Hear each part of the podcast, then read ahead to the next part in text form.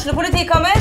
Ine Jansen er purk. Er du purk? The motherfucking bitch. Alt jeg vil, er å finne ut hva som skjedde med mannen min. Jon Carew. Er jeg sikta for noe? Iben Akeli. Det er du.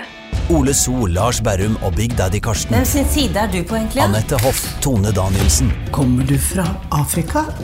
Jørnis Josef, Nesten. Kløfta. Trond Espen Seim, Det er synd å si det, men det var feil mann som døde. Purk. Premiere tirsdag på TV2 Play.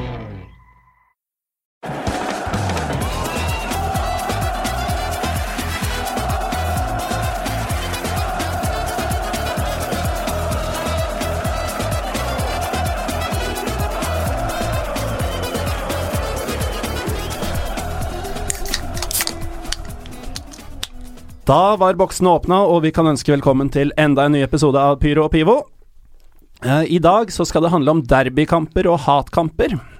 Og eh, med oss i studio da, så måtte vi jo ha Magnus Borgen, forfattere av 'Fiender til vi dør'. Du har vært overalt, du. Ja, jeg kom ikke overalt, så jeg har i hvert fall vært heldig og fått sett eh, 13 hatmatcher på fire forskjellige kontinenter. Så det eh, er jeg stolt av å få til. Ja. Og eh, Trym Hogner, du er også med oss. Du er uh, egentlig ingen, men du er uh, veldig glad i disse hatkampene, og har i hvert fall prøvd å være på mange. Jeg har, jeg har gjort et forsøk, det er, det er riktig. Uh, vi kan jo starte med litt mer om dere. Altså, Magnus, du skrev da denne boka 'Fiender til vi dør', fotballens hatoppgjør. Uh, hvordan ble Altså, det er jo en drøm for veldig mange å bare bli sendt rundt på andres regning på store fotballkamper. Hvordan fikk du til dette? Bakgrunnen for prosjektet var at jeg satt i um, Aftenpostens sportsredaksjon og var sånn tilkallingsvikar. Skulle primært dekke norsk fotball.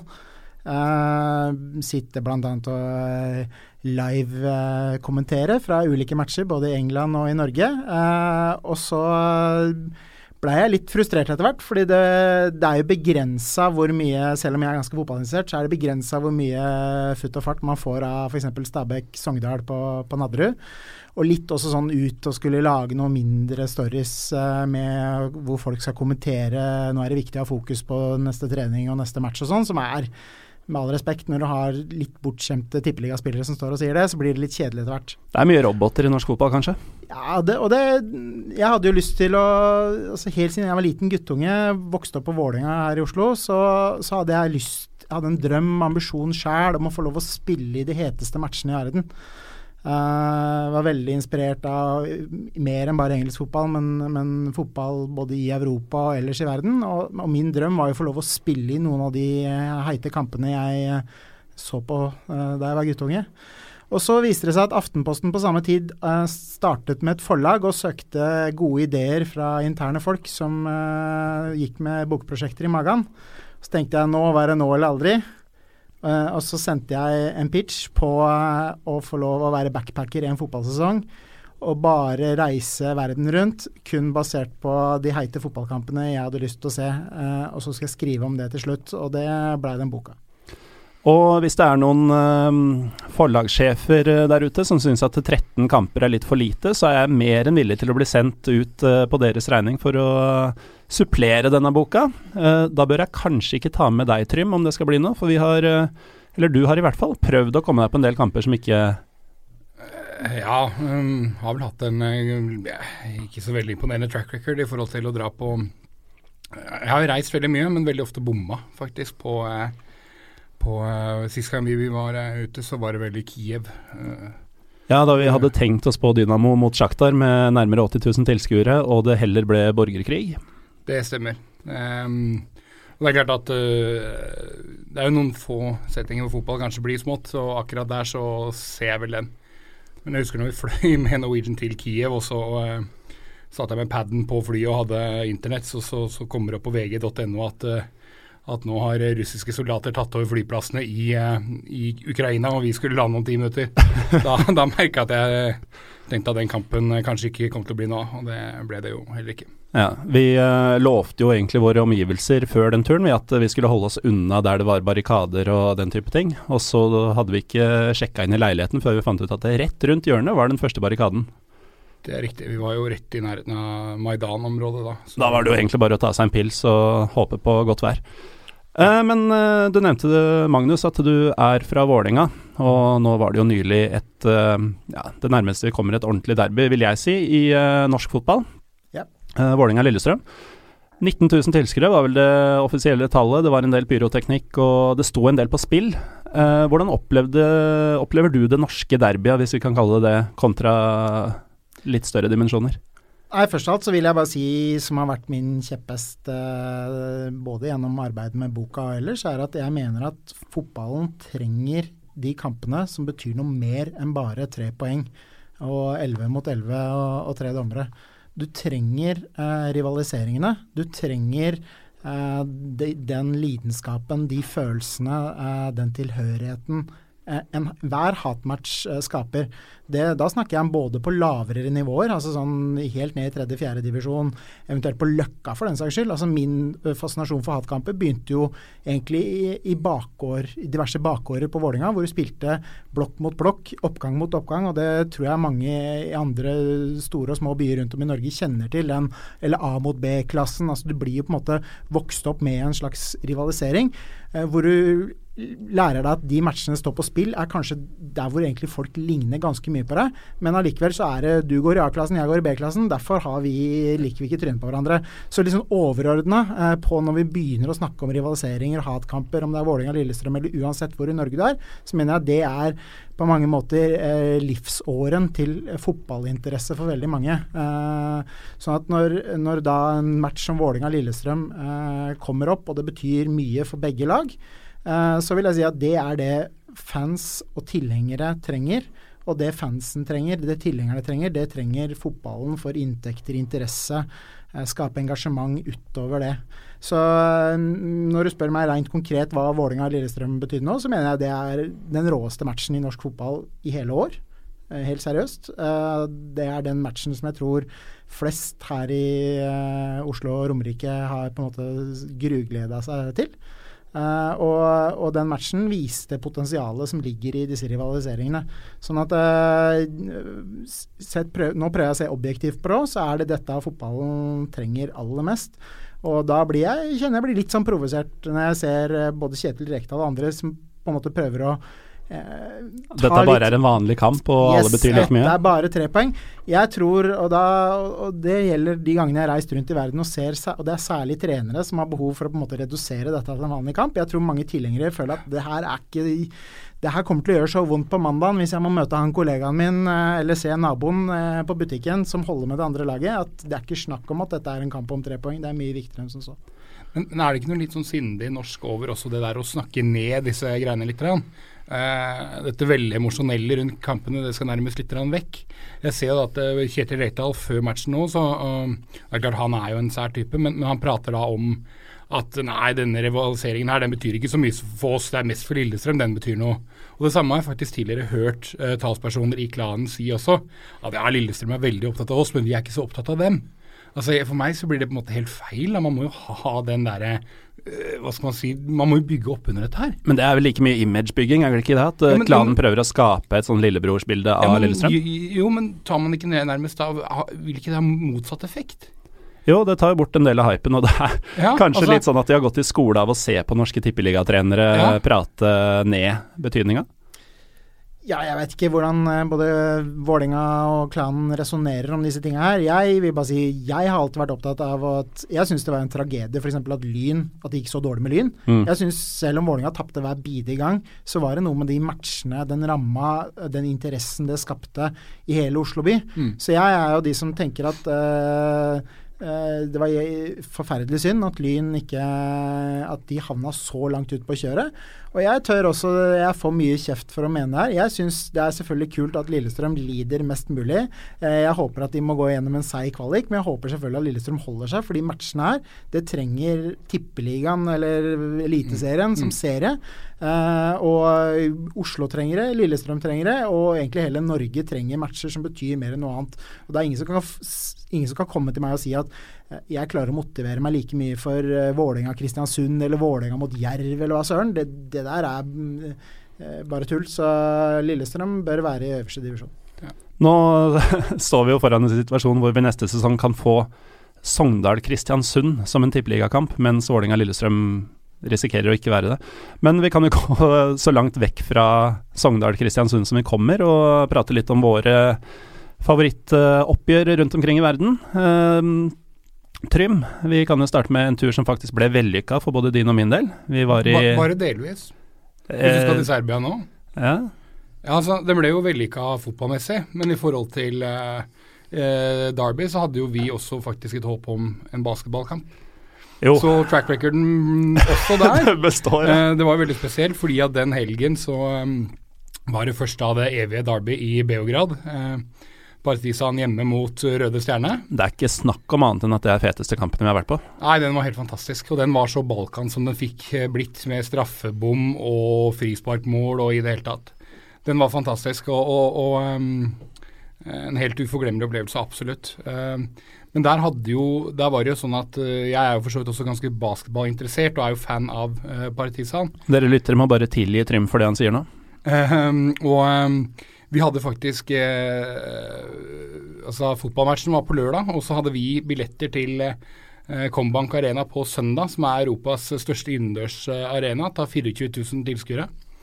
Der eh, lå alt til rette for at eh, finalen i ABA-ligaen skulle bli mellom Røde Stjerne og Partisan, sånn at man faktisk skulle få muligheten til å se samme, lagene, eller samme klubbene møte hverandre to dager på rad. Og i Combank Arena så er klakkene øverst, oppunder ja. taket. Det er en uh, innendørs Altså det er en atmosfære som er helt uh, sinnssyk. Uh, Men hva skjedde? Altså, det, det, utrolig nok så um, tapte både Røde Stjernen og Partisan uh, playoff-kampene sine på, på uh, torsdagen i forveien. Og det gjorde at to kroatiske lag, der den ene faktisk er oppkalt etter en uh, eplejusfabrikk i Kroatia, blei spillende den finalen i Beograd i Serbia. Så denne arenaen som tok 24 000, der dukka det vel opp en 300 stykker eller noe sånt, hvorav 180 var eh, saftpressere fra Kroatia, og resterende var eh, overflødig serbisk politi. Ja, for Vi dro innom den matchen eh, til tross for semifinaletapene for begge lagene vi håpa ja. skulle komme dit. og det føltes litt sånn som å se en norsk kvinnehåndballkamp, rent publikumsmessig. Ja, bare på en stor, flott arena. Ikke en gymsal. Men fotballkampen, da? Fotballkampen var enorm, og det vi kan jo ta det først, at det var Partisan mot Røde Stjerne i Beograd. Og eh, Partisan var hjemmelag. De måtte vinne for å kunne eh, teoretisk, teoretisk, sett, kunne, ta igjen ja. eh, hovedfiende Røde Stjerne. Hvis stadion ligger et par hundre meter opp i gata fra Partisan sin. Eh, gjestene bomma på to straffer. Ja. Det var et herlig frisparkmål imellom disse, og Partisan vinner på overtid. Mm. Vi hadde vel billetter På et ordentlig møkkamål. Et ordentlig ja. møkkamål. Og det var verdens dårligste innbytter. Jeg husker vi kommenterte ja. han de tolv minuttene han spilte, han før han fikk det møkkatreffet. Men um, vi hadde jo nøytrale plasser. Ja, relativt. Hva, hvordan opplevde du det? Nei, men altså, det som, det som jeg syns er fint Nå, nå, nå, var jo du nylig i, uh, i Kroatia og så, så, um, så, en match der. Det jeg syns er fint i Serbia, er at du, du ser fortsatt at det er familier kan gå på disse kampene. Noe som man kanskje etter hvert eh, ser en del steder på Balkan og Øst-Europa at ikke er mulig. Eh, så du har disse ekstremt harde klekkene, men du har også faktisk eh, Det er fortsatt for hvermannsen.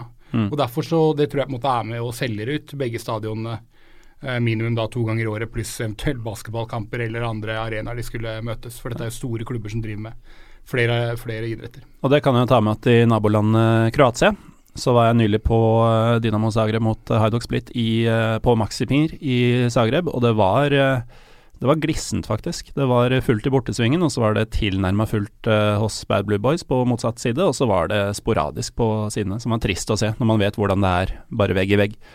Eh, Magnus, yep.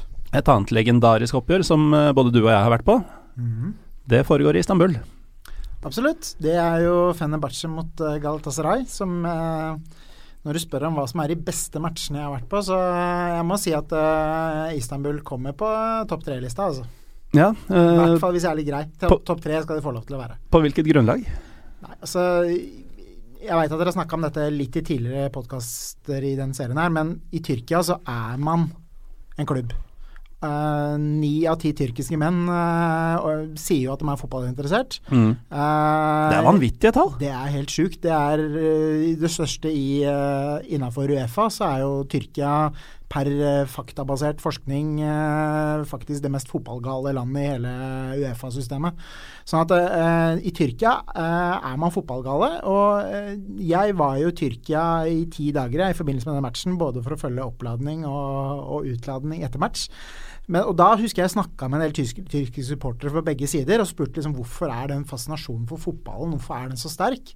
Og Det veldig mange svarte, både Fenerbahçe-folk og Galatasaray-folk, var egentlig at de følte at i tyrkiske samfunnet er det er kaos. altså Det er så mye du ikke kan få påvirka. Men fotballen er jævlig enkel. Det er 90 minutter. Du kan stå og pipe så mye du vil, både på motstanderlaget en dommer. Du kan, du kan, klare å påvirke den matchen ved å psyke ut, eh, pælme ting på banen, lage en feststemning. Altså, det er noe eh, hvermannsen i Tyrkia kan være med å påvirke. Og så er det enkelt å forstå. Ett poeng for uavgjort, tre poeng for seier, null poeng for tap. Fotballen er herlig forutsigbar i en del land hvor det er mye kaos, eh, og eh, hvor eh, ting ikke er som i Norge, hvor hvor på en måte mange av oss har vanlig vanlige streite jobber og går hjem til familie og unger og har eh, leiligheter. Men i Tyrkia er mye mer komplekst. Men fotballen er enkel og veldig ren i den forstand at du kan være med å påvirke den. Uh, og det er klart, uh, Jeg så jo denne matchen på hjemmebanen til uh, Fenerbahçe. og det morsomste der er jo at Tyrkia er faktisk det landet hvor jeg har betalt mest for en fotballbillett. Ja, det Ever. gjelder meg også. Ja. Uh, og, det, og, da tenker folk da har du vært på svartebørs. Nei da, du har ikke det. Jeg var i en vanlig billettsjappa, Narvesen-systemet. Uh, for i Tyrkia så er det sånn at du uh, verdsetter matchen ut fra tilbud og etterspørsel. Helt mm. sjukt. Du kan ikke si flere uker i forveien hva matchen kommer til å koste, for de ser an tabellsituasjon, medietrykk.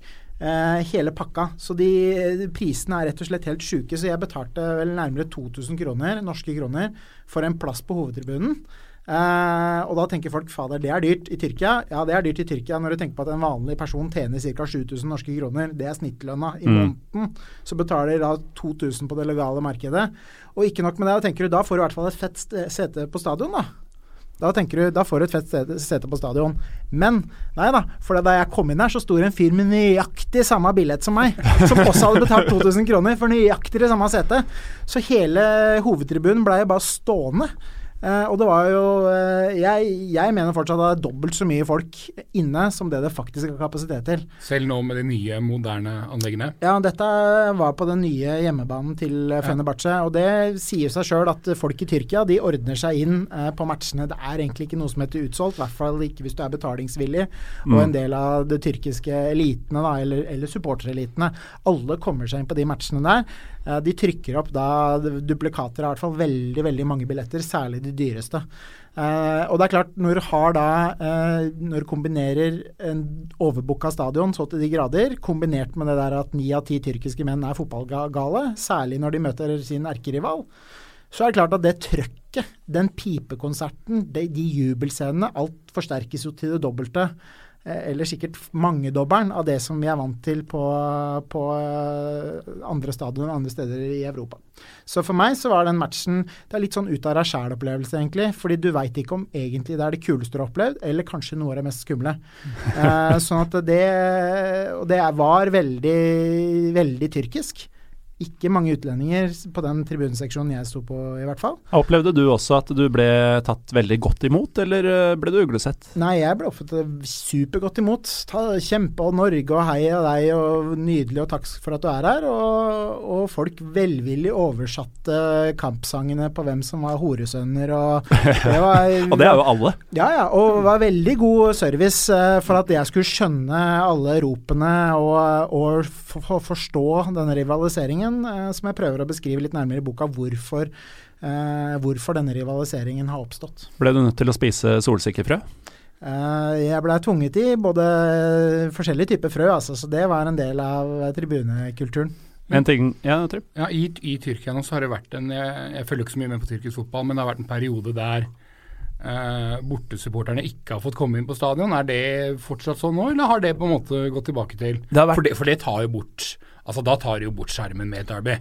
Hvis det, hvis, det, tar bort veldig mye. Ja, det, det, vil jeg si tar bort nesten alt. Uh, det har vært veldig fram og tilbake over flere år nå. Nå ja. er uh, de uh, egentlig tilbake. Ja. problemet er jo at de siste årene så har de innført et nytt billettsystem i Tyrkia som, gjør, som får Facebook sin privat Hva heter det for noe? Um, privacy settings eh, til å virke veldig sånn greie å ha med å gjøre. Eh, du må levere alt av informasjon dersom du er tyrkisk eh, og skal ha billett til fotballkamper, og det har gjort at veldig mange har falt av og også aktivt boikotta. Eh, så tilskuertallene i Tyrkia har jo gått ned veldig de siste årene, og samtidig har ikke bortesupportere hatt tilgang. Og når de da har løsna på det siste, så har de ikke løsna på det første, og det er litt sånn limbo. Noen klubber har fått tilbake de fleste tilskuerne sine, men Fenerbahçe f.eks. har fryktelig lave tilskuertall akkurat nå. Ja, for da er vi jo tilbake til det du snakka om innledningsvis, også dette her med at hva, hva vil Vålinga være uten Lillestrøm og vice versa? Altså, Mm. Hvis Galatasaray ikke møter altså Når de møter Besiktas eller Fenerbahçe, så kommer ikke bortsupporterne. Da er jo Ja. I løpet av noen måneder eh, i 2012 så var jeg først på Fenerbahçe Besiktas, hvor eh, bortesupporterne endelig fikk lov til å komme igjen. Eh, noen måneder senere var jeg på Fenerbahçe Galatasaray, eh, hvor de var utstengt. Eh, og det er altså Jeg trenger ikke engang si hva som var den feteste kampen av disse to. Uh, Besiktas-supporterne satte til og med fyr på sitt eget banner på bortetribunen. Uh, men eh, apropos fyr, eh, hvor er det har brent mest rundt deg, bokstavelig talt, eh, Magnus, på dine reiser rundt om i verden? Altså, Øst-Europa er jo det er jo pyrokultur. Eh, jeg var i Polen og så Polens heteste match, som eh, på folkemunne bare kalles Den hellige krigen i Krakow. Krakowia mot Wisła. Yes, Uh, og det var jo en match uh, som jeg uh, må innrømme at jeg var livredd. Og det skyldtes delvis en god porsjon norsk naivitet. Delvis en god porsjon desperat etter en billett. For det var den matchen jeg egentlig sleit mest med å komme meg inn på. Av alle? Av alle. Eh, fordi eh, dette var dagen Visva kunne vinne den polske ligaen. Aha. Sånn at de blei seriemestere, eh, pluss at det var noe arbeider på stadion som gjorde at kapasiteten var litt mindre og sånne ting. Så jeg sto egentlig i Polen på et prosjekt hvor jeg måtte se en fotballmatch, og det var ingen annen vei utenom enn å drive og spandere masse øl på den lokale puben, og til slutt så var det ble jeg forbarmet, men da havna jeg jo midt i Midt i svingen blant den verste hooligansen til eh, Visva, og det var en opplevelse som eh, de 90 minuttene der Jeg må innrømme at jeg husker mer med Når jeg tenker tilbake, tenker jeg mer på Det var skikkelig idiotisk gjort framfor at det var kult. Så jeg skal ikke anbefale noen å, å prøve å svartebørse seg inn i, i svingen til Visva, med mindre man er eh, litt masochistisk anlagt. Altså. For det var eh, Å være utlending der var ikke smart i utgangspunktet. Pluss at eh, det var jo Politiet stormer jo tribunen med tåregass og batonger, og, og da hjelper ikke at du står og sier 'jeg er fra Norge' og er bare en helt vanlig fyr, for da, da er du på en måte litt Du er en i mengden. Du blir, enten er du med politiet, eller så er du med supporterne, og, og det å se både gamle og unge sparke og slå på hverandre, og, og ikke minst også at eh, de har jo som sport ikke sant, å drive både med kniver og drive og stjele skjerf og drakter og sånn fra hverandre som de fyrer opp seinere. Eh, så det her var eh, Jeg må innrømme, uh, Polens uh, heteste match er kul hvis du sitter trygt forankra på en av langsidene og kan bare se på kaoset i svingene. Det å stå midt inni der, det det er ikke noe, noe jeg vil anbefale folk som har pusha 30 og som har andre ting enn seg sjæl å tenke på. Ass. Jeg gjorde noe lignende i Bulgaria, og er langt på vei enig med deg. Uh, men uh, i både Bulgaria og Polen så er det jo en tradisjon for å nærmest lage tepper av uh, motstandersupporternes effekter, som man har på mer eller mindre voldelig vis knabba til seg i løpet av den tida som har gått siden forrige derby. Eh, hvem hadde det største bålet i denne kampen? Det var selvfølgelig hjemmelaget som var Visva. Det som er kult med Derby i Polen, er at de eh, to stadionene er jo Det skiller jo bare en park. Det er 750-800 meter å gå fra den ene stadionet til den andre. Noe som på en måte virkelig føler den lokalderby-rivaliseringa mm, der. Eh, på den matchen jeg var på, så var det vel en underkant av 20 000 tilskuere. Uh, og det var uh, nærmere 3000 politifolk, så da kan du tenke deg oppbudet. Eh, og det var eh, Det var selvfølgelig i den svingen jeg sto, var det ca. 3000 mennesker. Eh, 10% av dem var blodnynazister. Altså det var sånn eh, De sang den der Pippi Langstrømpe-sangen med liksom ut i Heil Hitler-hilsen. Sånn 'Her kommer Wisla Krakow' med liksom stive høyrearmer, og det var piping på svarte spillere og, og full rulle. Og så var det en, noen hundre typiske tenåringer som sto bare og tøffa seg. Og så hadde du i bakre rekker, og det var det jeg skjønte at når de gutta på bakre radene, når de begynte å røre seg framover, når det ble mot politiet, det var da, da var det virkelig ute å kjøre. så, så det jeg tolka som fullstendig kaos, med sånn 500-600 relativt unge i fremre rekke, som bare drev og rikka på gjerdet og spytta og slo og brente ting. Det var ikke noe å bli stressa over, fordi gærningene de sto bak. Og det var klart liksom når 40-åringene begynte å dra ned for å slåss, da var ting kommet ut av kontroll, fikk jeg høre. Og litt ut i andre gang så skjedde jo det at de gamle 40 gutta, 40-åringene, de begynte å tumle nedover, og da da var det bare da, Men spillet, det pågikk. Det var ikke noe stopp i spillet, nei. Og ikke tro at det var noen medie... Jeg tenkte sånn, Hadde dette skjedd på nordlige breddegrader, så hadde det vært tidenes kaos i tabloiden og NRK. hadde vært spesialsendinger og tjoai. Det var ikke nevnt med et ord i polske medier. Ikke et bilde. Ikke uh, Rapportene på liksom, Sportsrevyen om kvelden var bare om mål og sånn. Det var ikke mens jeg opplevde at her hadde det vært liksom eh, Ja, det var seriøst sikkert 1000 mennesker som hadde vært i skikkelig blodig slåsskamp med hverandre. Det var ikke nevnt et ord i pressen. Trym, vi har jo eh, en forkjærlighet for Øst-Europa, både du og jeg. Det, det låter gjenkjennelig, dette her? Definitivt. Og, og, Polen er jo Polen er et land som faktisk kanskje det landet i Europa som har flest Altså For du nevner jo det desidert beste derby i, uh, i Polen, men i Polen så har de jo masse av disse her sånn. Jeg var i, og jeg, Igjen så fikk jeg ikke sett match, men jeg var i i Lodz tidligere i år, eller byen som uttales Woods med en sånn rar L. Eh, og Der har jo LKS og Vidsev, som er to tradisjonelt sett veldig veldig gode klubber, som har ramla nedover divisjonssystemet og nå spiller langt ned på amatørnivå. Og, og disse derbyene selv på så lavt nivå er jo fortsatt helt utrolig heite. da. Mm. Men det som er også viktig, nå har vi snakka mye dritt om polsk fotball, uh, og det, det, kan man gjerne gjøre med en ganske stor pondus, men jeg vil også på en måte vinkle det litt til at det er en del positive trekk med polsk fotball som jeg tror skandinavisk fotball har kunnet lært en del av, det er måten de bygger kultur på. Det er måten de får eh, en litt sær supporterkultur til å fremstå allikevel med en slags form for eh, en offentlighet eh, og en delvis respekt utad. Uh, men det er klart, det, er, det, her er jo Da går du på en knivsegg, ikke sant. Fordi det tipper over ofte. Og da er det spørsmålet vil du på en måte rekruttere unge mennesker til et sånt miljø. Men de har også veldig mye bra sånn, i, i, i, forbindelse med samling rundt matcher. De gjør en del bra ting. Altså. Det er viktig, det er litt, å, noe vi, å fremstille det òg. Litt som vi var inne på i første episode av Pyro og Pivo, da vi snakka om Dynamo Dresden.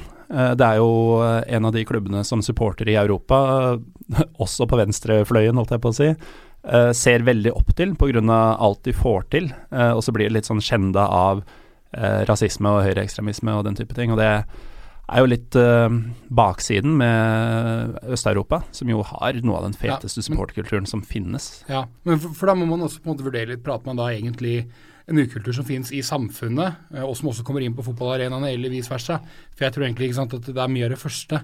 Dette er jo eh, Hvis du ser i Italia, så kan du se en del klubber hvor, hvor mange av supporterne er enten veldig på venstresiden eller høyresiden. I Polen så er det jo stort sett alltid veldig langt på høyresiden. Det er ikke veldig mye balanse der, er mitt inntrykk. Det er, eh, det er mye mot høyre. Men, men uh, det som virker som har vært veldig bra i Polen de siste årene, kanskje også litt i forbindelse med at man arrangerte EM sammen med Ukraina, er det at det har vært bygget veldig mye, mye gode arenaer. Så du ser litt sånn der, nesten litt sånn tyske tendenser. Veldig gode arenaer, og det er mye publikum. Mye mer enn det var for ti år tilbake. Og dette er fine stadioner uten løpebane og andre ting som, som ødelegger. Og der er Polen ganske unike i Øst-Europa, fordi at drar du litt lenger ned, nedover til Balkan og for så vidt også Uh, Romania, Tsjekkia, Slovakia osv., så, videre, så er det stort sett fortsatt elendig stadionanlegg. Men det er ikke i Polen. Polen har fått til uh, veldig veldig mye bra stadionanlegg. Ja. Og selv, selv Lodd, som jeg nevnte, så, så, bygges det nye arenaer nå, til tross for at klubbene begge to er langt nede i systemet. Ja, og De har hatt en veldig klar bevissthet, og de er vel et av få land, tror jeg, da, som har klart å lykkes litt med å bevare den der bråkete bulkekulturen som du har i svingene kombinert med at du har litt familieliv på sidene. Ja. Og den, den balansegangen der er ganske vanskelig å klare å få til et arrangement hvor du klarer å please både barnefamilier og de gutta som har lyst til å drikke litt for mye øl og ta litt for mye andre ting, og kanskje dukker opp for å slåss. Men det er klart, uh, det her er hele tiden ferskvare uke for uke, og det er klart enkelte uker så tipper det over i, i vold og faenskap, og andre uker så, så er det veldig ålreit å være på fotballkamp. Så Polen er et fascinerende land. Uh, men vær veldig bevisst på hvor man uh, får seg billett. Ikke, ikke ta svartebørsen uh, og komme inn på stadion fem minutter før og bli klint opp i gjerdet med politi og motstanderfans. Det er vel generelt et godt tips i livet. Uh, nå har det vært veldig mye i Europa, vi må litt ut av verden, og um, Ut av verden, faktisk. Ut i verden. Uh, og vi spurte lytterne våre på Twitter om hvilke derbys de helst ville oppleve dersom de kunne. Uh, og et som ble nevnt, var jo det som ifølge Wikipedia er Egyptian Classico, nemlig Al-Ali mot Samalek i Kairo. Trym, den har du også på lista di. Den har jeg på lista mi. Jeg har vært, jeg har vært og reist i Egypt faktisk flere ganger. Jeg har vært i Kairo, um, men ikke fått sett match der. Det har hatt litt med sesongen jeg har vært der. Men det er klart at den matchen der sånn, den, den, den er veldig høyt på lista. Um, og så er det klart at uh, man har hatt en del intern uro i Egypt de siste årene som, som har, som, har prega fotballen også, og det er kanskje ikke, tiden er kanskje ikke riktig for det nå. Men det som er litt spesielt med det oppgjøret der, er jo at Uh, du, har del, du, har en del, store oppgjør i uh, Afrika, og spesielt i Nord-Afrika. Men uh, akkurat Al-Ali mot Samalek er en, match som på en måte er ikke bare Egypts største match, men det er hele Midtøstens største match. Supercupen der i fjor f.eks. ble spilt i, i De forente arabiske emirater når de to lagene møtte hverandre. Mm. Så spilte de faktisk på stadion rett utafor Dubai med Samalek og Al-Ali mot hverandre og stappfulle tribuner. Ja, for disse matchene blir jo TV-sendt over hele den arabiske verden.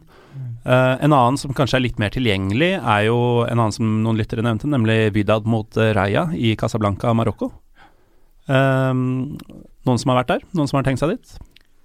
Alltid lyst til å dra på hete matcher. Det som jeg, Min erfaring med Nord-Afrika, den, den, er ikke veldig stor, jeg har vært der noen ganger, men det er at matcher gjerne blir flytta på. Så det er vanskelig som fotballturist så er det høyrisiko. risiko. da bør du på en måte ha 14 dager å ta av når du først skal være der.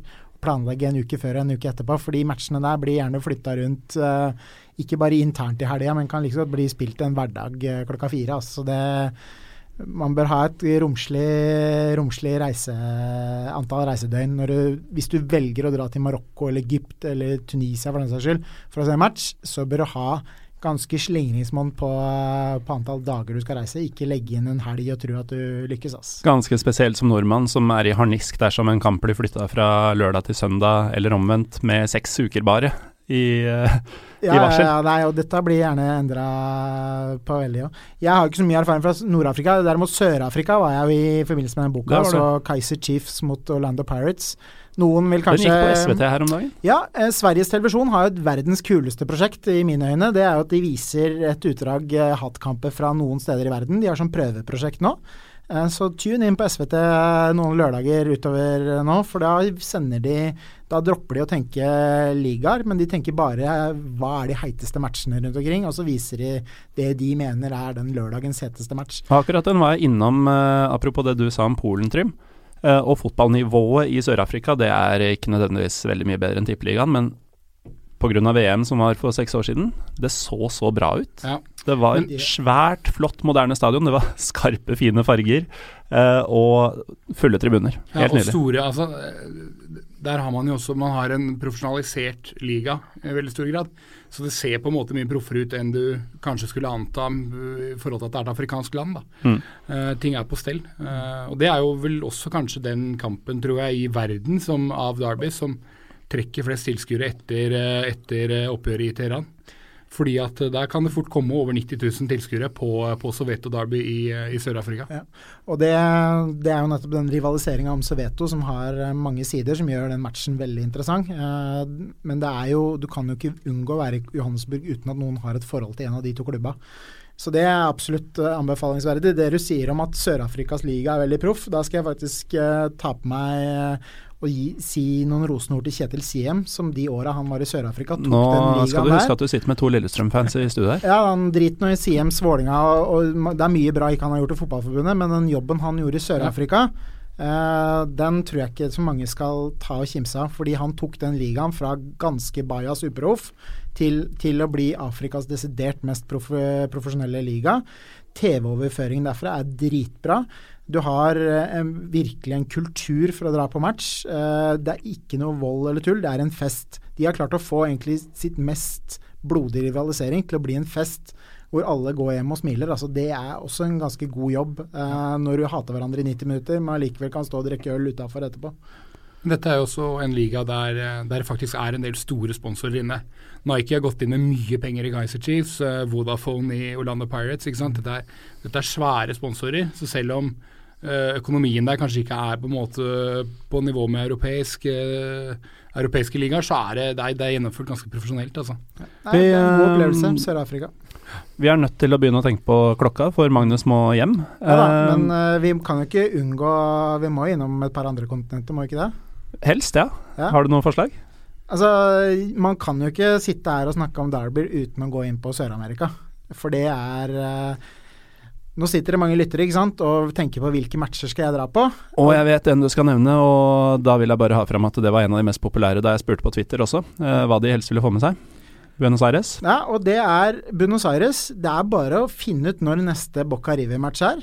Og så er det å booke seg inn en tidagers tur til Buenos Aires, om det er til 30-årsdagen din, 40-årsdagen din eller 50-årsdagen din. Det er bare å booke seg det, for det er den kuleste fotballopplevelsen eh, som fins. Og jeg har, mener jeg har viss pondus som kan si det. Jeg har vært tross alt eh, ikke bare det en bok har skrevet, jeg har sikkert sett fotball i 20 land. River mot Bocca er det kuleste som fins. Og det er for det trøkket, den stemninga det blir en sånn massesuggesjon. Du, du, kan ikke unngå å like fotball når du er i Buenos Aires. Ikke bare den dagen matchen spilles, men egentlig hele oppladninga. Da er det timeslange programmer på riksdekkende TV om du skal spille diamant i midten eller 4-3-3 eller hvordan du skal gjøre det. Gamle dame på 90 år står og diskuterer uh, dommeren om hvilken side han er på, og folk er og lever klubben sin. Uh, det kan være at du har vært gift med sånn som hun ene dama som var naboen min. 90 år gammel dame. Var gift med en River-supporter gjennom et langt ekteskap. Han hadde daua for ti år siden, men hun våkna til liv. For han hata Bocca, og hver gang Bocca nærma seg River, så var hun på plass. Og det samme, så det er bare en fantastisk opplevelse. Så alle, alle sånne kåringer som sier hva er verdens heste match, ofte så dukker Bocca mot River opp, eller River Bocca. Og så tenker mange ja, men det er sikkert bare et fjas. Og så har folk nerven til å nevne Liverpool United som en utfordrer. Ja, og det er, eh, det er Jeg sier som argentinerne, altså det, dette er super classico. Og hvorfor heter det super classico? Det er fordi at eh, Clásico i Spania mellom Real Madrid og Barcelona er en treningskamp sammenligna med River mot Boca. Og det, det, står jeg for. Og det, er det én match her jeg skal tilbake til, så er det Buenos Aires og Argentina. Bare for å se på fotball. Men Der har du jo to klubber som eh, hver og en også har en helt fantastisk identitet, da, med, med, med, en historikk av fantastiske spillere. Vi har nevnt mye Derbys her nå, men, men, men, eh, det er jo ingen to klubber som har så mye fantastiske spillere eh, som har kommet opp gjennom systemet opp gjennom åra, og veldig mange som utvikler sjæl også. Og så kan man sammenligne med noe type United, Liverpool eller noe Barcelona, Real Madrid. Altså, da snakker vi om, altså Jeg kaller ikke det Derbys engang, det er ikke engang samme byer. Altså det, og det er for meg nesten en faktor. Altså. Det, det, det må være et visst sånn rivalisering i et naboskap eller et eller annet. Det fins eksempler f.eks. i Nederland. Ajax mot Feyenoord mener jeg er en rivalisering det lukter krutt av. er ikke alle naboer i Nederland Er ikke det et land på størrelse med halve Akershus? Det er uh, i hvert fall uh, næ Geografisk nærhet er det. Det er forskjellige byer med veldig sterk uh, forskjellig rivalisering. Men mens vi er på Latin-Amerika, hvis vi Sør-Amerika, mens vi holder oss der Colombia? Så, ja, jeg var jo i Colombia. Eh, mange har kanskje sett Narcos, og det har jo fått en liten sånn revitalisering, hele Colombia. Jeg var jo eh, i Medellin eh, før alt dette Narcos-kjøret starta, og så Medellins heteste match mellom Atletico Nacional og Medellin. Og det, altså, det er også en Hvis du skal være litt mer uh, fiffig og orker å ta deg en tur til Colombia for å se fotball Er du først i Argentina, si? Det er et stykke, men uh, dog. Uh, det var faktisk en veldig kul opplevelse. Det er, var ikke så mange på match, det var noen og 30 000, men daggeren for et liv, altså. Over 3000 politifolk der òg. Så i Colombia er det eneste gangen jeg som utlending har fått politieskorte. Da var jeg på vei inn i en av kurvene, og da ble jeg bare nappa ut av politiet rett før jeg skulle kjøpe billett. Bare no, no, no, senor, du skal ikke inn der. og så fikk jeg da politieskorte igjennom og liksom ble trygt plassert på ene langsida, og det var jeg jo forbanna glad for, fordi fem minutter ut i matchen så var det jo tidenes slåsskamp der hvor jeg hadde akkurat der hvor jeg, den delen av kurven hvor jeg skulle stå. Så det var Men Colombia er fantastisk fotballand, det òg. Mens vi er inne på Latin-Amerika Jeg var jo også i Brasil, ikke sant? så på Maracana, og så Fla, Flo Derby, altså Flamengo mot Fluminense. Det er også en ganske rå opplevelse inne på Maracana der, med, med 8000 tilskuere og kald øl i små bokser og, og folk står og feirer. Så Sør-Amerika som, som et rivaliserings, fotballrivaliseringskontinent er jo fantastisk. Det er langt unna for mange, men eh, tenk nå på det. Man skal leve et langt liv, og eh, skal man unne seg én langtur en gang, så finn nå ut når River mot Bocca er. Og dette bringer oss over på det jeg tenkte å avslutte sendinga med. Jeg tenkte at eh, hver og en av dere skal få lov til å fortelle om den ene matchen som lytterne må få med seg før de dauer. Kan du begynne med deg, Magnus? Jeg tipper jeg vet hvilket kontinent vi skal til nå. Altså Jeg har jo allerede sagt eh, Argentina, så derfor vil jeg heller benytte anledningen til å også gi, slå et slag, da, fordi veldig mange er jo glad i Storbritannia. Eh, nå er jo heldigvis Celtic Rangers tilbake. Ja, Det er ikke alle som mener det. Eh, Jeg mener at den matchen er uh, innafor topp tre. Uh, bare vent uh, kanskje en sesong eller to eller tre til. Når, når den har fått satt seg igjen, så er Old Firm er en herlig rivalisering som man eh, bør eh, oppleve. Så har jo også tidligere gjester her i studio sagt mye pent om Tyskland. Uh, Ruhr-derby gikk jo også nå i helga, faktisk. Eh, Dortmund mot Schalke.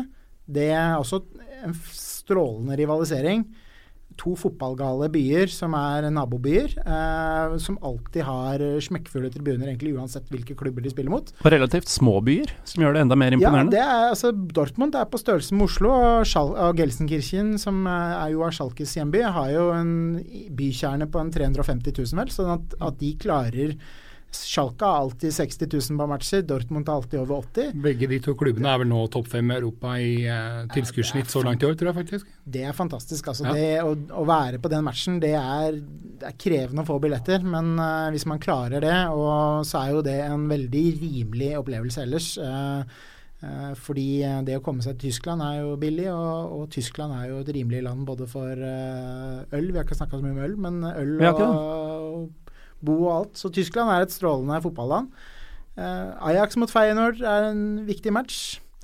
Roma-Lazio. Det er mange gode matcher rundt omkring. Og flere av disse er jo faktisk relativt enkle å få til. Ja, altså det Ofte kan være sikkert mer vanskelig å få tak i billett til Arsenal-Everton enn til Mm. eh, mange matcher som er kule andre steder i Europa. Så det er, det er klart for mange tror Mange har kanskje litt sånn gamle fordommer mot språk. De aller fleste stedene i Europa så kommer det da helt nydelig fram på engelsk. Eh, så det er bare å utvide, utforske horisontene. Selv i Skandinavia mener vi har strå... Altså Stockholm er jo knallbra. Mm. Eh, København også er ganske ja, jeg mener de, vi er et stykke igjen her i Norge.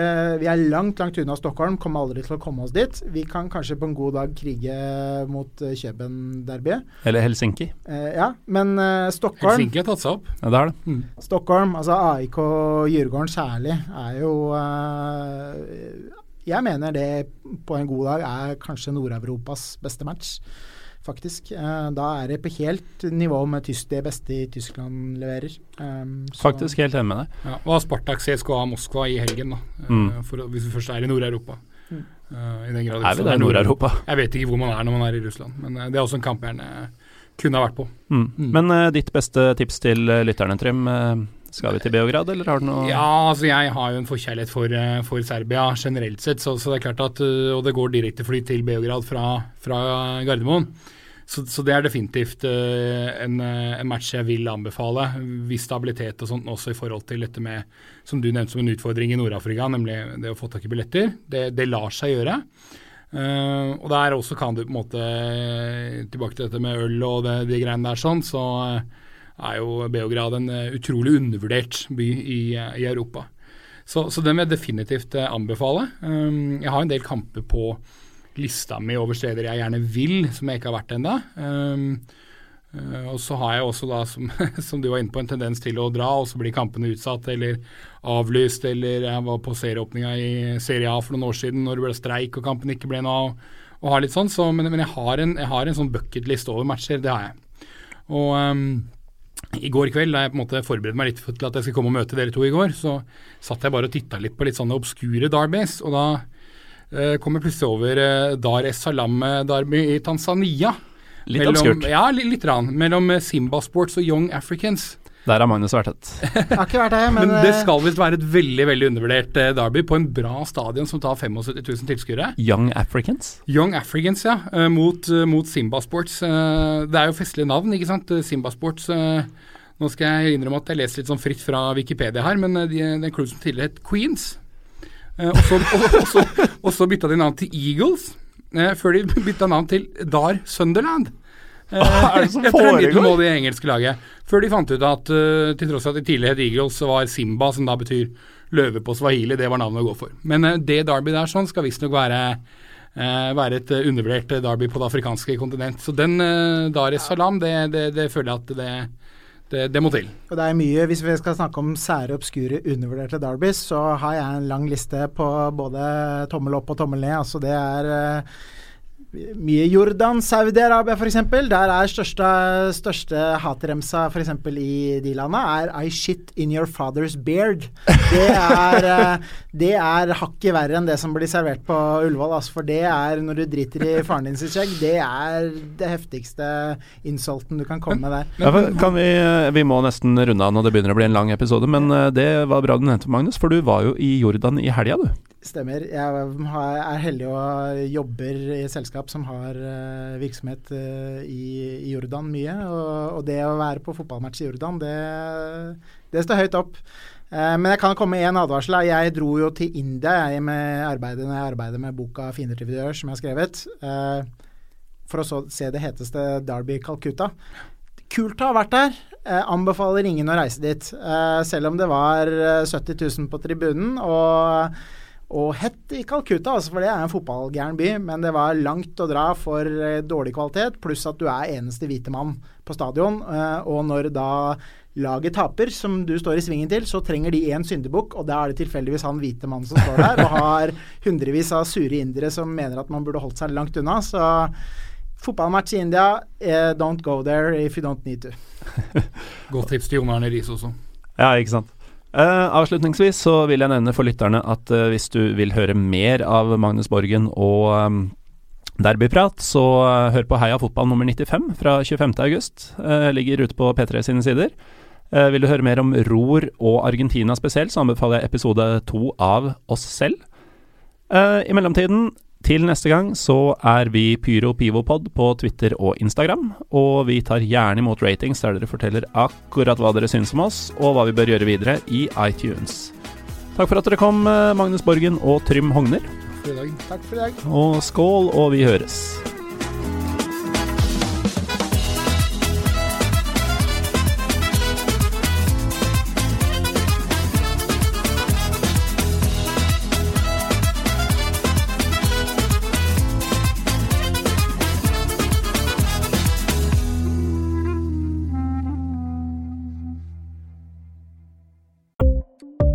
Ukens annonsør er HelloFresh. HelloFresh er verdens ledende matkasseleverandør og kan være redningen i en travel hverdag. Mange av oss har nok vandret i butikken både sultne og uten en plan for middagen, som ender med at vi går for de samme kjedelige rettene gang på gang. Middag burde være dagens høydepunkt. Som HelloFresh kan du nå velge mellom 25 ulike retter hver eneste uke, eller få HelloFresh til å sette sammen menyen for deg. Dette gir deg muligheten til å prøve nye og spennende retter alene eller sammen med familien.